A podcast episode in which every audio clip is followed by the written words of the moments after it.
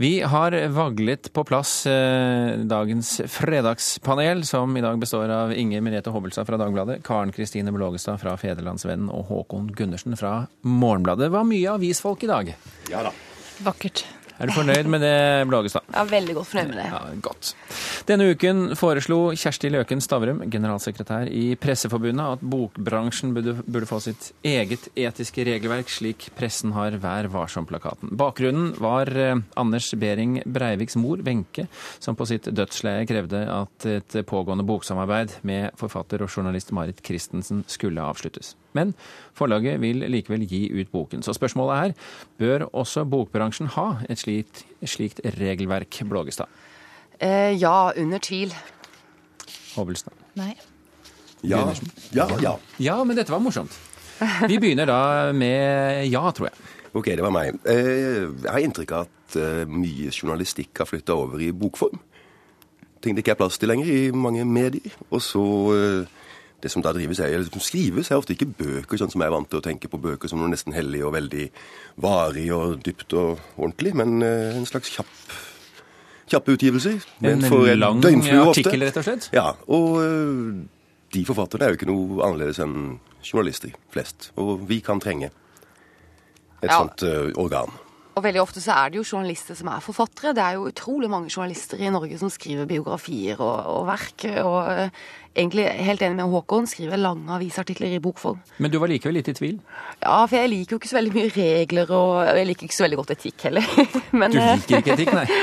Men jeg syns det er jo veldig forsmedelig å være journalist og passe på etikk hele tiden, ikke sant. Og så kommer det biografier som liksom går fri alt, eh, all etikk, eh, virker det som, og bare kan gi ut eh, hva de vil, nærmest. Så det er lett, rett og slett litt urettferdig? Ja, det er urettferdig. Ja. Kjempeurettferdig.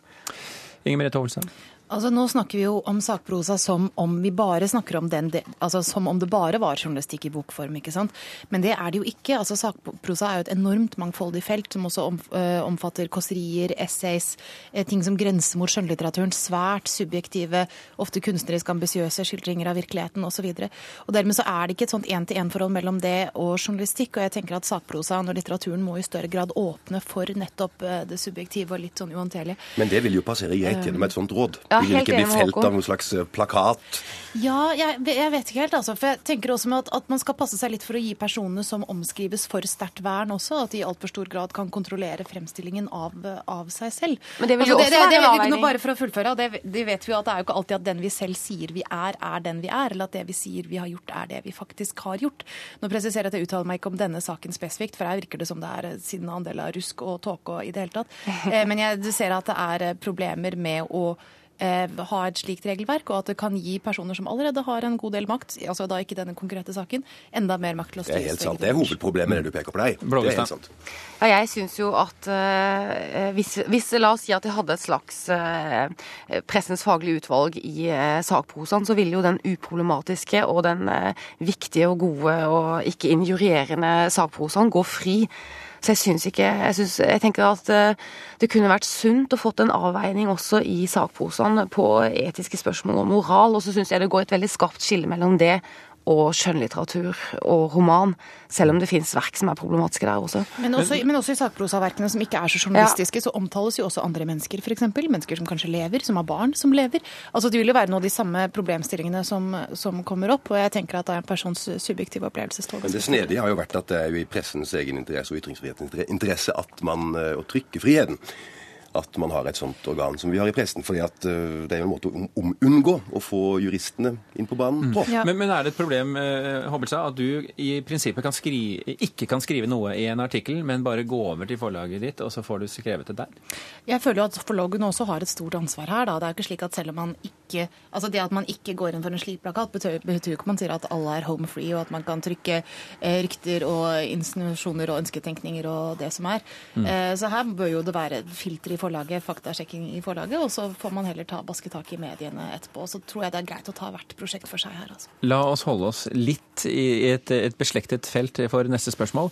For bruken av rettskommentatorer kan bidra til forhåndsdømming i Sigrid-saken. Det ble vi fortalt denne uken, og det var leder av Advokatforeningens forsvarsgruppe, Frode Sulland, som mante til forsiktighet. Han påpekte at flere medier nå bruker kommentatorer og eksperter til å snakke om det som skjer i retten, nær sagt mens det skjer, og Sulland mener det er en stor utfordring for rettssikkerheten. Spørsmålet er, er dere enig, Hobbelstad? Nei. Blågestad? Nei. Etter en samlet vurdering på generelt grunnlag Advokatene gjerne snakker i sånn. Eh, hva var det du spurte om, egentlig? Hva var vi enige i hva? Er det en uh, utfordring for rettssikkerheten at det, uh, at det kommenteres så tett inne i saken? Utfordring for rettssikkerheten. Det er det jo. Ja. Hvorfor mener du det? For det første så trenger vi sånne rettskommentatorer, fordi at når advokatene selv snakker, så skjønner vi ikke stort. Så jeg trenger rettleiing for å forstå noe som helst. Uh, men det er klart, forhåndsdømming skal vi ikke ha noe av. Men han, en av de som kritiseres, leser det som svært subjektiv. Han skriver 'jeg mener'. Mm. Nå tenker jeg på en i Aftenposten, Hansen. Etter min vurdering. Så Da er det jo en manns synspunkt. Jeg kan ikke skjønne at det kan uh, men, men han, farge saken Men sånn. han, han intervjues jo også i Aftenposten TV Eh, tidligere på dagen, før han får skrevet artikkelen til dagen etter. Må ikke all verdens tillit til sånne. Blågestad? Nei, Jeg syns det hadde vært en mye større utfordring for rettssikkerheten hvis det ikke var kommentert. Jeg synes at eh, en, altså en, sektor eller et felt i norsk samfunn som skal kommenteres mye og ha mye lys på seg, er nettopp eh, rettsinstansene. Det har vært eh, i de siste ti årene en veldig konservativ instans. Ikke alltid i takt med rettsoppfatningen til folkemeningen. Og det, det, har, virkelig, det har, virkelig, trengt lys. Det har hatt et kvinnesyn, f.eks., som har vært helt under paret og har tilhørt 50-tallet. Så denne instansen syns jeg trenger mye lys og mye kommentarer og, og overvåkning, rett og slett. Og så tenker jeg at eh, instansen selv må ta ansvar for at de ikke blir populistiske eller lytter for mye til folkemeningen. Eh, på mange måter enig med siste taler. Altså, det er klart Dette er et felt som trenger formidling og fortolkning, som alle andre fagfelt, for at eh, publikum som leser dette, skal føle seg orientert, og at de har noenlunde eh, kål på hva det blir snakket om. Og så spør meg litt om denne redselen for at folk skal bli påvirket. Altså, det er jo det en rettssak handler om. Altså, der er det jo parter som argumenterer for sin sak, vitner som forsøker å overbevise osv. Så, videre. så det at det også kommer en stemme inn der som har en mening eller har en slags oppfatning av hva som er troverdig eller ikke, jeg skal, kan ikke si at det skal være så mye annerledes enn absolutt alle andre parter som taler, og som prøver å da få alle som hører på, til å tro at akkurat de og deres klient er den som eh, har, har retten, bokstavelig talt. Jeg tror det vi sier vekker anstøt hos jurister flest. Men det er at vi skjønner ikke helt hva deres mm, Men, men altså, når det er sagt, det som er en utfordring for journalistikken, det er jo særlig, og kanskje særlig tabloidjournalistikken og journalistikken slik det er blitt, altså at den har blitt kommersialisert og sånne ting, det er jo at de er avhengig av å appellere til følelser. Altså de er avhengig av slående forsider som får folk til å kjøpe nyhetene osv. Og, så og der er det lett å falle for fristelsen til å kjøre på. Det så vi bl.a i Øygard-saken. Og der tenker jeg at det var noen eh, forsider i forskjellige aviser som var eh, i overkant følelsesladede, og da mot eh, av han i den saken. Og det er, litt, eh, det er litt dårlig smak, og det er kanskje ikke helt eh, pent gjort heller. Men jeg syns ikke følelser skal utelates fra denne dekningen, for det er jo en del av offerets historie. Altså Det er en del av prisen for forbrytelsen som er begått, og det hører med i det hele bildet, liksom. Og jeg tenker jo med Øygard-saken, så tenker jeg at der var det jo enormt mye kommentarer, enormt mye oppslag. Men den saken var en sånn snakkis rundt i det norske hjem, og enormt oppdragende for den norske forståelsen av hvor eh, blir en kontakt et overgrep? Hvor går grensene? Hva, hva betyr alder? Altså alt dette, Alle disse dimensjonene ved den saken. Ja tror jeg ble snakket mye om. Jeg tror det var veldig sunt. Nå kjente jeg plutselig at det er veldig tydelig at vi hadde tre avismennesker i studio her. Ja, ja. jeg har hørt på radio hele dag. Skulle, hvor er Arne Bergen når du trenger han, tenker jeg. hørte på radio hele dag og hørte på han som NRK har fått på kriminalområdet. Han heter Olav et eller annet. En mann som ser ut som han har veldig mye snus i overleppa. Men han er imponerende dyktig. Han, ja, godt, han mener ikke, men han driver og rett og forklarer oss. Da stopper vi det der, for det, det syns jeg var en fin avslutning på det, det temaet her. Vi skal nemlig, vi må snakke om Ylvis. For denne uken så rundet Ylvis Ylvis-brødrene 37 millioner avspillinger på nettstedet YouTube eh, av sin sang The Fox, og det kan vi fortelle er veldig mye. Og i natt så opptrådte de på dagtid-talkshowet til Ellen DeGeneres. Fire millioner eh, seere har hun omtrent. Og dette fyrte opp eh, norske journalister som omtalte saken som om Ylvis nærmest hadde innkassert en suksess i utlandet. Spørsmålet er, er norsk presse, og da også inkludert Kulturnytt, må vi få si, for sultefòret på norsk suksess i utlandet? Påstande at enhver anledning til oppmerksomhet blåses opp til uante høyder, Blågestad? Nei, det syns jeg ikke. Ja. Eh, ja. Ja, der var det litt tvil. Da begynner vi med den sikre først, eh, Inger Merete.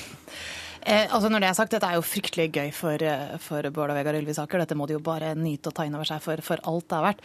Men det var jo en dekning som nådde helt sånne eh, parodiske anslag en periode. Det var liksom hvor mange millioner har sett nå? Nei, nå! Hvor mange har, hvor, hvor mange har fått den med seg? Og det er jo klart Vi snakker om en veldig lavterskelting. Altså det å trykke eh, play på YouTube når du likevel sitter og prokrastinerer, det krever ikke fryktelig mye tid, krefter, konsentrasjon, eh, det som er.